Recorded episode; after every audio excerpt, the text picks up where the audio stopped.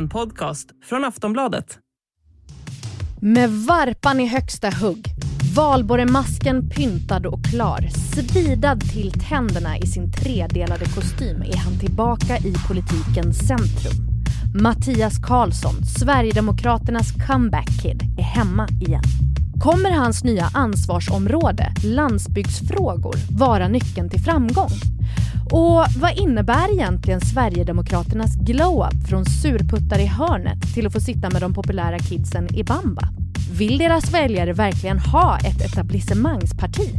Dessutom har vi fått in lyssnarfrågor från er och Lena och My tvingas svara på sin kanske svåraste fråga hittills. Det här är Aftonbladets politikpodd, en runda till med Lena Melin, My Råvedder och mig, Soraya Hashim.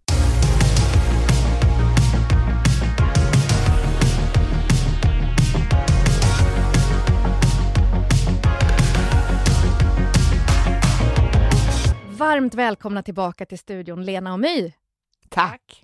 Hörni, för två år sedan så nollställde ju Jimmy Åkesson alla sina riksdagsledamöter. Alltså han tog ifrån dem deras ansvarsområden. Men i höstas så började han släppa några namn och ansvarsområden där man fick veta vilken sverigedemokrat som har hand om vilket ämne. Men förra veckan så rasslade det till rejält. Mattias Karlsson är tillbaka och han ska ha hand om landsbygdsfrågorna. Vilket fick mig att undra, vilken sten har han gömt sig under? Han har inte varit under Magdalena Anderssons stenar i alla fall. Nej. Han har varit under, han har ju varit internationell sekreterare och drivit sin eh, tankesmedja Oikos som är den här superkonservativa tankesmedjan som han har jobbat med. Just det, och där har han liksom suttit och bidat sin tid, eller? Där har han svarvat olika benskedar och annat. Nej, inte bara det. Men eh, det är ju opinionsbildning som han har sysslat med. Eh, och inte lika mycket politikutveckling. Men det är, de tycker väl att de behöver ta in honom för att stärka upp nu inför valet och jag tror att Mattias Karlsson ju är en person de ser skulle kunna vara ett ministermaterial och att man vill liksom lyfta fram honom i ljuset mer nu inför hösten, vad som komma skall. Ja, men berätta. Hur, hur skulle ni beskriva honom som både person och politiker? Vad säger du, Lena? Alltså då han verkligen breakade och blev superkänd som någonting annat än bara en i de fyras gäng, alltså i ledningen för, för Sverigedemokraterna, det var ju när han såg till att eh, regeringen Stefan Löfvens första budget röstades ner av riksdagen. Mm. Alltså de betedde sig inte enligt det hederskodex som man brukar göra i riksdagen, utan de, de lade inte ner sina röster så fort deras eget förslag hade röstats igenom, utan de röstade aktivt för Alliansens alternativ. Eh, och eh, det var ju verkligen en skräll Sen så hoppade jag in också för, för Jimmie Åkesson när Jimmie Åkesson var sjukskriven och även då var jag väldigt kraftfull, måste man ändå säga, i mm. sin oppositionspolitik. Det var väl under den perioden han kastade ut ungdomsförbundet också? Var det inte så? Ja, det var det nog. Ja. Alltså, jag smygtittade på min sanning i morse. när han var med förra året och sa han det. nu sa jag det som att det bara var någon kunskap jag hade i bakhuvudet. Det var det inte. Bra. Men, men hur, hur är han som person skulle du säga mig? Men jag vill också säga att han har ju varit chefsideolog för partiet. Alltså han har ju stått för mycket av liksom, eh, politikutvecklingen och tagit mm. fram partiprogrammet, alltså det program som pekar på inriktningen för politiken. Och där har han gjort väldigt tydliga avtryck i liksom, hans ideologi som är det här eh, bevarandet av kulturen, han är väldigt kulturkonservativ, han har ju också startat en hembygdsförening, eller om det är en kulturförening, jag vet inte, men liksom så här, det, det, gamla svenska, liksom det här med eh, Varpa och folkdräkt. Exakt. Ja. Han har ju också då varje år en kulturfestival har han haft eh, på sommarfestivalen i Sölvesborg där man har fått göra sånt som kasta varpa, stångstötning, kulning som är den här sången där man skriker på kossor. Um, har du gjort det? Verkligen inte, men de har... De har jag vet att du har kossor där, där, du, där du bor på Österlen. Ja, ja, de är inte mina kossor tyvärr. Jag mm. tror inte heller de svarar på kulning. Jag tror att det är mer någon slags Dalarna-grej. Okay. Um, ehm, ja, fast i min barndom i skärgården så gjorde tanterna det när de lockade ja. på korna. Ja. Har du gjort det? Ja, absolut. Du har det? Man vill ju inte vara sämre än tanterna som hade hand om kossorna. Men hur låter det, eller vad gör man? Kossa, kossa, kossa, kossa. Så där står Mattias Karlsson och skriker kossa, kossa, kossa. Det är inte han. Det finns ju, den här kulturföreningen sysslar med den här typen av bevarandet av gammal svensk Okej. kultur. Men i, i, personen, Mattias Karlsson, alltså hur, hur är han? Min uppfattning är att han är lite blyg och det, det står i kontrast till det här, eh, hans ganska kraftfulla politiska eh, person så att säga. Mm. Men jag, jag, jag anar en, en viss blyghet hos honom. Mm. Ja, sen, är, sen odlar han ju lite den här, eh, vad ska jag säga, nästan aparta, eh, han, i alla fall sättet att klä sig. Alltså han kommer ju alltid i sån här eh, med väst och, och, och, och kostym. tredelad. Och, och, ja, tredelad och väldigt, väldigt så här välputsad i håret. Han, han, han, eh, ja, han, man ser honom. Mm, mm. Och, och som du sa, det är ju absolut en skarp kontrast mot hur han kanske skriver i sociala medier, hans ton och så, som ibland kan vara väldigt, väldigt hård. Alltså han är ju en stenhård politiker med väldigt, väldigt skarp ideologi Mm. och det är ju det som har drivit Sverigedemokraterna framåt också. Ehm, I migrationen finns det ju kanske mer än liksom en övergripande syn på vilket håll partiet går åt, men i kulturen har han ju verkligen varit så här tongivande i hur man ska se på liksom kulturfrågorna. Och en sak som Mattias Karlsson ju har drivit väldigt hårt, eller som han ser som ett mål, det är ju att han vill förändra samhället i grunden. Alltså han vill förändra hur människor tänker kring frågor. Han vill göra samhället mer konservativt och mer nationalistiskt. Mm. Och att det finns liksom en rörelse i det. Det handlar inte bara om politiken och sakfrågorna utan det handlar liksom om hur samhället ser på sig självt och hur man, liksom, vad är instinkterna i ett samhälle? Så han har ju liksom en helt annan en radikalare syn kanske på politiken än vad många politi politiker har, som kanske ser det mer som liksom sakpolitiken och eh, ett- liksom ett inte lika kontrollerat samhälle. Mm. Vi, vi har faktiskt fått en fråga från en lyssnare som kallar sig för Älskarpodden. Du ska ha tack. Eh, hen undrar, vem bestämmer egentligen över Sverigedemokraterna? Jimmy Åkesson eller Mattias Karlsson? Eller någon annan? Nej, men jag, jag, jag tror vi får hoppa tillbaka där till det fyras gäng, för det är, det är i hög grad resten av det fyras gäng som fortfarande bestämmer, plus Henrik Winge som är vice ordförande och gruppledare i riksdagen.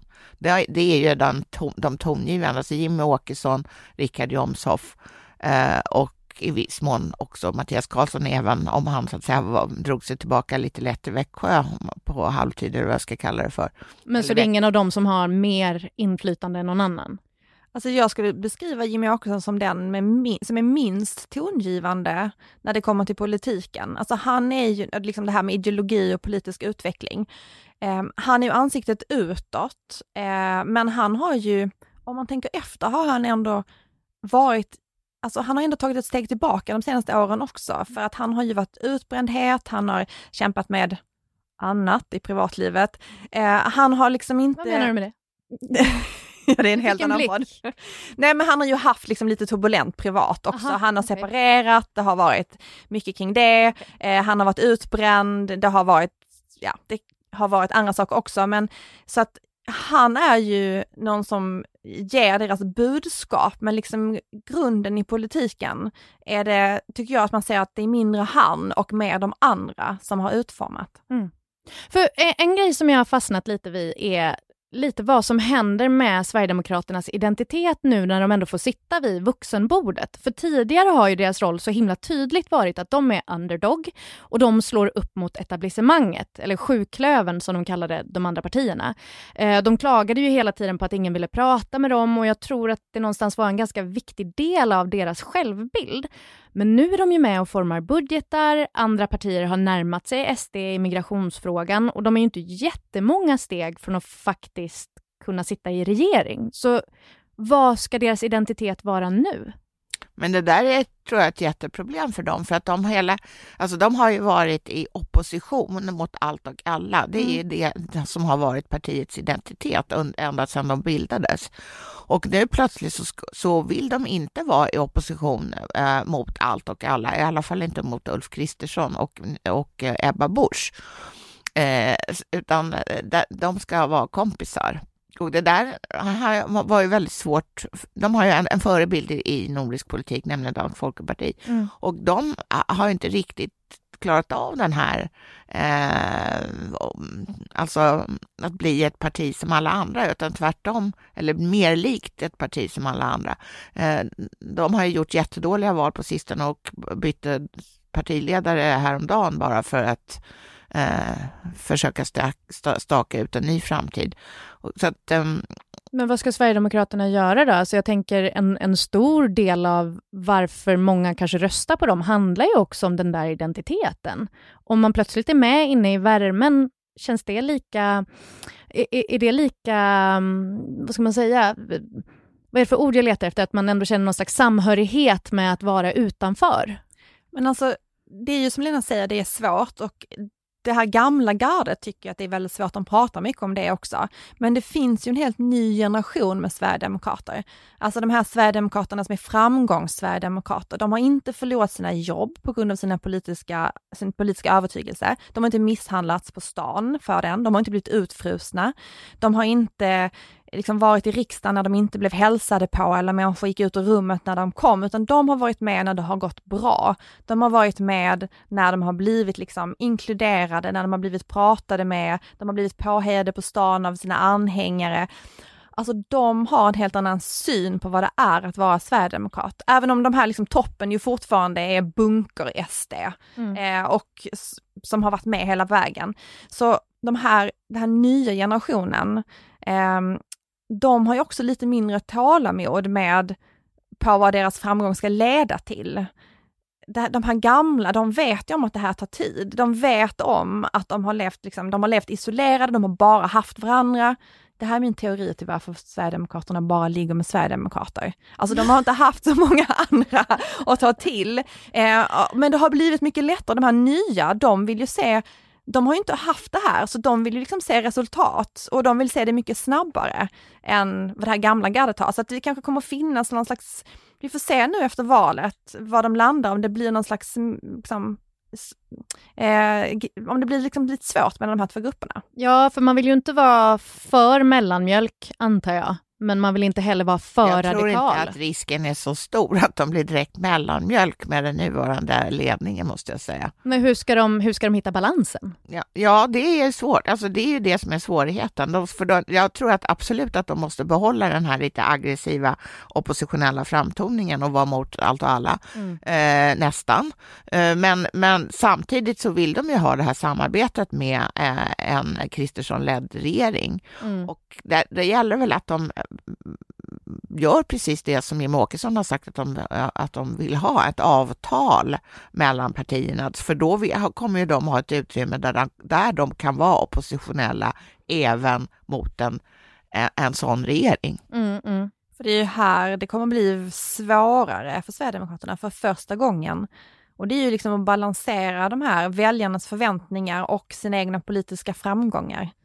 Ja, för, för jag tänker också, en grej som ni har tagit upp tidigare när vi har pratat om Miljöpartiet är ju att enfrågepartier inte får bli för spretiga utan att man ska hålla sig till sin grej och att den ska vara högt upp på dagordningen. Um, hur ska man då tolka det här att Mattias Karlsson som är en sån storspelare inom Sverigedemokraterna kommer in och ska jobba med landsbygdsfrågor? Men jag tror att de har gjort bedömningen att, att, eh, att de behöver öka röstandelen utanför. Alltså, eller så sagt, kanske snarare behålla den i vissa delar av landet där det är landsbygd. För att, och och också givetvis att landsbygdsfrågorna kommer att vara eh, viktiga i valet, måste de också ha gjort, och gjort den bedömningen. Och jag skulle tro att, att eh, alltså det här missnöjet som de, är, som de är experter på att exploatera, den pyr ju lite här och var på landsbygden som tycker att de är bortglömda och, mm. eh, eh, och mm, rent av illa behandlade. Ja, men jag tänker ofta när SD har eh, tagit upp en fråga så har de ju alltid kunnat liksom peta in migrationen i den frågan och behålla sin kärnfråga. Om det nu är pensioner, ja men då ställer man det mot andra siffror och så vidare. Hur, hur får de in migrationen i landsbygdsfrågorna, eller är det ens intressant att göra det? Nej men jag tror att det är inte där de kommer att få in migrationen, för de kommer få in den. Alltså Socialdemokraterna vill gå till val på att prata om segregation, där är ju liksom migrationsfrågan kopplat till det. Absolut. Och Moderaterna vill gå till val och prata om brott och straff, också kopplat till migrationen eh, och utanförskap. Så att det kommer att finnas jättemycket tid för För att andra driver de frågorna nu, är det det du menar? ha den här debatten. De kommer ändå kunna, och de äger ju migrationsdebatten, så de har ju väldiga möjligheter ändå fortsätta dominera debatten. De har ju gjort det, Mm. alltså de senaste, hur många år är det nu? Nu känns det som, vad är vi för på år? Ja, de senaste Alltså, tio tolv- åren. Ja, de har suttit i riksdagen i 12 år. Ja. Mm. Men, men hur ska de andra, apropå det då, hur ska de andra partierna förhålla sig kring Sverigedemokraterna? Måste de också ändra strategi nu? Alltså jag pratade ju med eh, Tobias Baudin häromdagen, Socialdemokraternas partisekreterare. Och de har ju, ska ha en ny strategi inför det här valet för att SD är ju en av deras huvudmotståndare. Och nu ska man då sluta prata om deras rötter och prata om det här konservativa blocket och om SD som ett högerparti. För att man vill sluta blöda de här arbetarväljarna till Sverigedemokraterna. Så du, så du menar alltså att när Socialdemokraterna pratar om Sverigedemokraternas rötter, då tappar de sina väljare till Sverigedemokraterna? Nej, men det gör ingen skillnad. Det blir inte, de vinner inga väljare på att prata om deras rötter.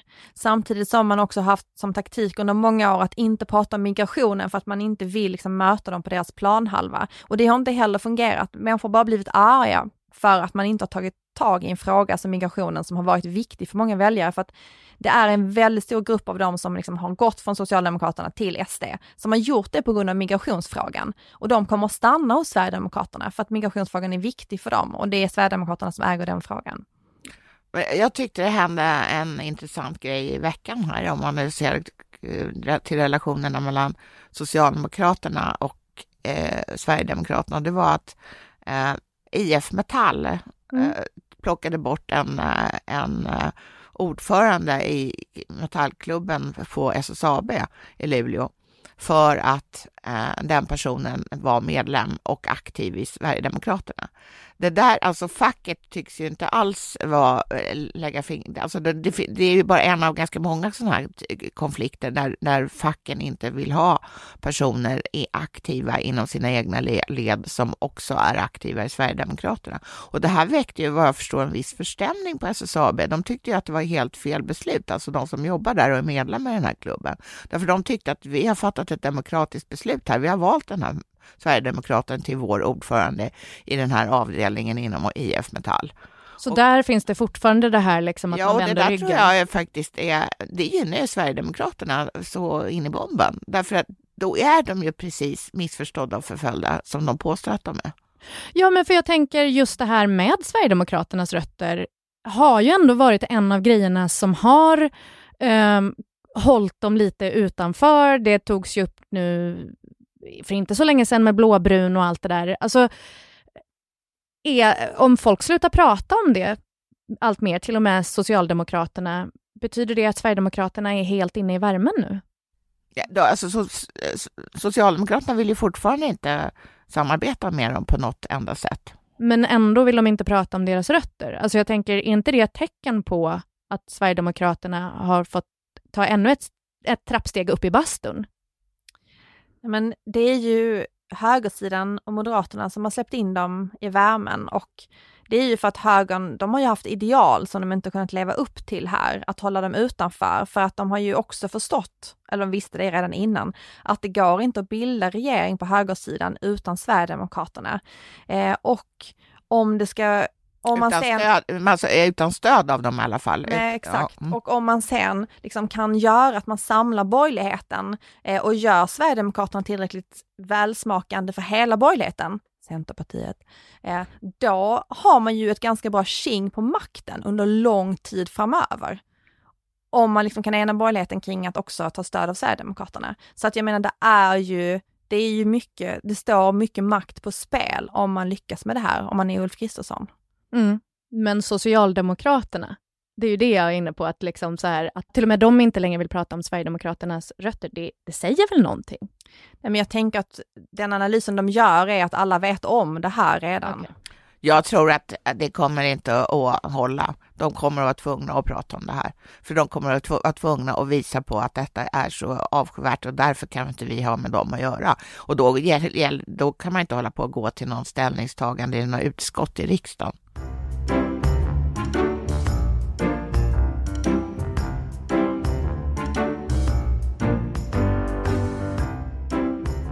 Hörni, vi har fått in en bunt lyssnarfrågor. Gud vad mysigt. Åh. Ja! Jag är så himla taggad på det här. Eh, så jag, jag tänkte att vi skulle ta några av dem. Vi hinner inte med alla vi har fått, men några stycken hinner vi. Första mejlet kommer från Cecilia Rönn som kandiderar till riksdagen i Halland för Liberalerna. Hej! Lyssnar varje vecka på er podd med mycket behållning. Även om det börjar bli lite tröttsamt att ni ofta pratar om att Liberalerna kanske eller troligen kommer åka ut ur riksdagen. Det kommer vi inte. Det är ju rätt som Lena och My har sagt i podden att vi är små och har ganska få mandat ute i landet. Men vi är med och styr i en majoritet av alla kommuner och regioner. Så inflytande har vi och vi kommer resa oss och göra ett bra val på alla nivåer. Är man fattig får man vara smart och kreativ. Det är vi. Så Cecilias fråga här är, vad har ni för tips på vad Liberalerna kan göra för att stanna kvar i riksdagen? Och vad tycker ni att de tillför för någonting i svensk politik? Ja, men historiskt har ju de varit ett fantastiskt eh, bra parti för Sverige. Eh, alltså utan dem så hade inte Sverige sett ut som det gör nu. I alla fall inte just nu. Ja. Exakt, precis det Lena sa. Så hur ska de komma tillbaka till det då? Ja, nej men jag, jag var tvungen att ta fram lite siffror på hur många de har och då vill jag ju peppa henne med att de ändå faktiskt bara var tredje minsta parti med eh, i, på kommunnivå, hur många representanter de har. KD och Miljöpartiet är mindre. Och sen så får de väl lyfta fram sina bra sidor. Och, som här i, i Stockholm, där är Liberalerna ganska stora i Stadshuset, där håller de på jättemycket intressanta grejer med, på det sociala området och skolans område, till exempel. Mm. Och i Landskrona styr de ju, där är de sånt här megaparti som har jag vet inte hur mycket de har, de har över 40 procent. Ja, de har ju en lokal företrädare där som Torkel är väldigt Strandberg, poppis. Ja. precis. Det finns ljusglimtar i mörkret och även om man åker ur riksdagen så finns det alltid en väg tillbaka in i riksdagen. Kämpa på Cecilia, är det det vi ska säga? Ja. kämpar på. Ja. Trösta dig med Landskrona. Nej men alltså politiken är ju hård. Levererar man inte så åker man ut, men det finns alltid en väg tillbaka och det är väl liksom, är det inte det, tävlingen som politiker går igång på själva? Mm. Nej men det är väl så, politiken är inte platsen där alla får vara Lucia. Nej. Nej. Här kommer en fråga från Marie i Stockholm. Irene Svenonius, som är moderat och finansregionråd i Region Stockholm, har ju fått extremt mycket kritik men suttit kvar genom åren. Här lägger jag in då bara för att fylla i att eh, i hennes ansvar så finns då eh, regionstyrelsen och deras bolag, alltså till exempel Nya Karolinska och hon har också fått ganska mycket kritik för coronahanteringen i Stockholm. Marie undrar, är regionpolitiker den absolut säkraste politikerposten man kan ha? Filippa Reinfeldt var ju också regionpolitiker och väldigt omtyckt. Får vi gissa att den här personen inte är moderat som har skrivit den här frågan? Ingen aning, jag vet inte. Men det är en bra fråga. Ja, men alltså regionpolitiker är ju den minst eh, uppmärksammade politikern i Sverige. Man är inte så intresserade, man är inte så intresserad i regionvalet, man är inte insatt. De är liksom, det är svårt att ansvarsutkräva dem för att intresset är så himla lågt. Är inte det vårt fel som journalister? Att intresset inte är så, alltså om inte vi ja, bevakar absolut, dem. delvis för att journalist, journal, vet det, journalistiken är ju också nedmonterad, liksom den lokala journalistiken, så man bevakar inte riktigt de här områdena. Det finns ju liksom 21 regioner, de har jättestora budgetar, Stockholm har ju otroligt stor budget. Det är ju den näst största efter statsbudgeten, även om det är stor skillnad. Eh, så att nej, Ja, det finns ett litet demokratiskt underskott. Men jag måste Mm. säga ändå till Irene Svenonius försvar, även om hon har blivit jättekritiserad, så jag, har man i alla fall märkt att hon finns. Oh ja. Eh, Men hennes företrädare hörde man aldrig talas om. Han hette Torbjörn någonting vill jag minnas. Och eh, han- för, levde någon slags skuggtillvaro. Men, eh, men apropå då skuggtillvaro, det känns ju som att man kan gömma sig lite i skuggorna om man är regionpolitiker. Man kan väl fucka upp ganska mycket eller? Och inte försvinna därifrån på ett tag. Om nu folk inte har koll på det och inte så många röstar. Ja, kanske. Det återstår väl att se. Det ska bli intressant att se det här valet för att här finns ju faktiskt en möjlighet att för regionpolitikerna att lyfta sig själva Mm. och prata om dem och vad det, hur resultatet har varit under coronapandemin. Mm. Men det är också det att regionen är ju sällan någonting, liksom en enhet som folk upplever att de bor i på något vis. Alltså man bor i en kommun och den är en ganska hanterlig liten enhet där man, där man lever sitt liv. Och sen så, men regionen då är det en jävla massa kommuner och man känner ingen större samhörighet med norr, mellan norra och södra änden eller vad det nu kan vara för ändar. Man har liksom inget gemensamt utom kanske ett sjukhus. Ja, men det påverkar ju ens liv väldigt mycket också. Mm. Igen lägger jag det på er. inte ja, det ert absolut. jobb? Ja, det är vårt fel. Ja. Tack. Eh, nästa fråga kommer från eh, någon med det otroliga namnet Lace and Leather. Eh, ett eh, Stevie Nicks-fan, gissar jag. Ehm, om partiledarna rökte, vilket märke skulle de röka? Det är den sjukaste frågan. Också den rimligaste frågan. Ja. Det säger någonting om dem som person. Men, tänk... men, finns det inte några som heter Lucky Strike? Eller de kanske... Jo. Ja. Det, det, tror jag att de, eh, fast mera luck strikes. men ni har väl lite, ni har väl lite erfarenhet av att sigga båda två, tänker jag?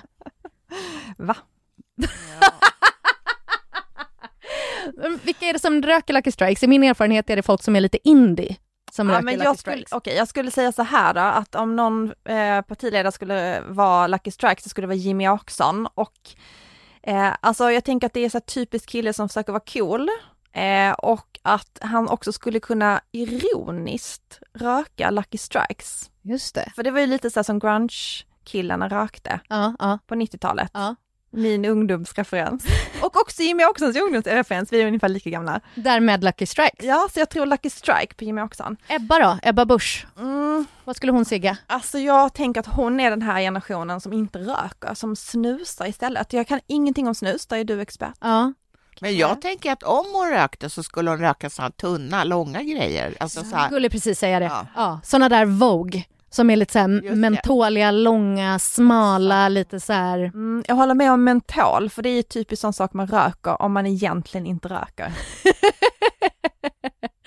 Okej då, Magdalena Andersson, hon har ju rökt, röker kanske fortfarande.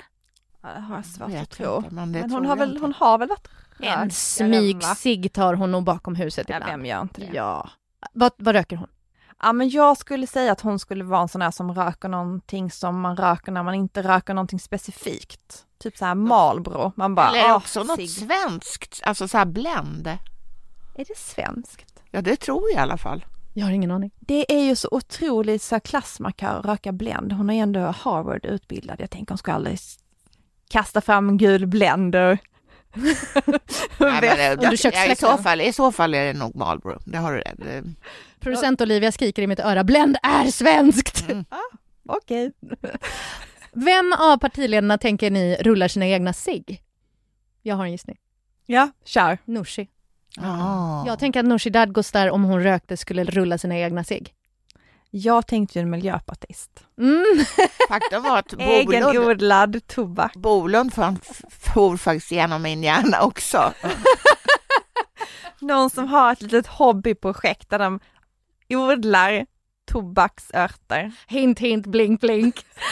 eh, om ni som lyssnar har fler frågor till Lena och My så kan ni mejla oss på podcast.aftonbladet.se så kanske de kommer med i programmet. Har ni någon drömfråga från lyssnarna? Nej, alla frågor är jätteroliga att få för att det är så himla, poddlyssnare är de bästa lyssnarna. De är underbara. Det är faktiskt sant. Och de är så smarta, så kul med frågor. Jag tänker att alla frågor är drömfrågor på något vis. Programmet är slut för idag. Tack för att ni lyssnar på oss. Om ni gillar det ni hör får ni hemskt gärna betygsätta oss i appen ni lyssnar igenom. Vi som har gjort programmet är som vanligt producentkingen Olivia Svensson, expertkingarna Lena Melin och My Råväder och jag heter Soraya Hashim. Vi hörs nästa vecka. Hej hej!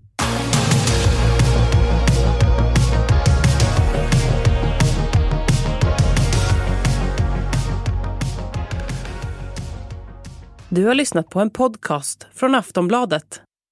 Ansvarig utgivare är Lena K Samuelsson.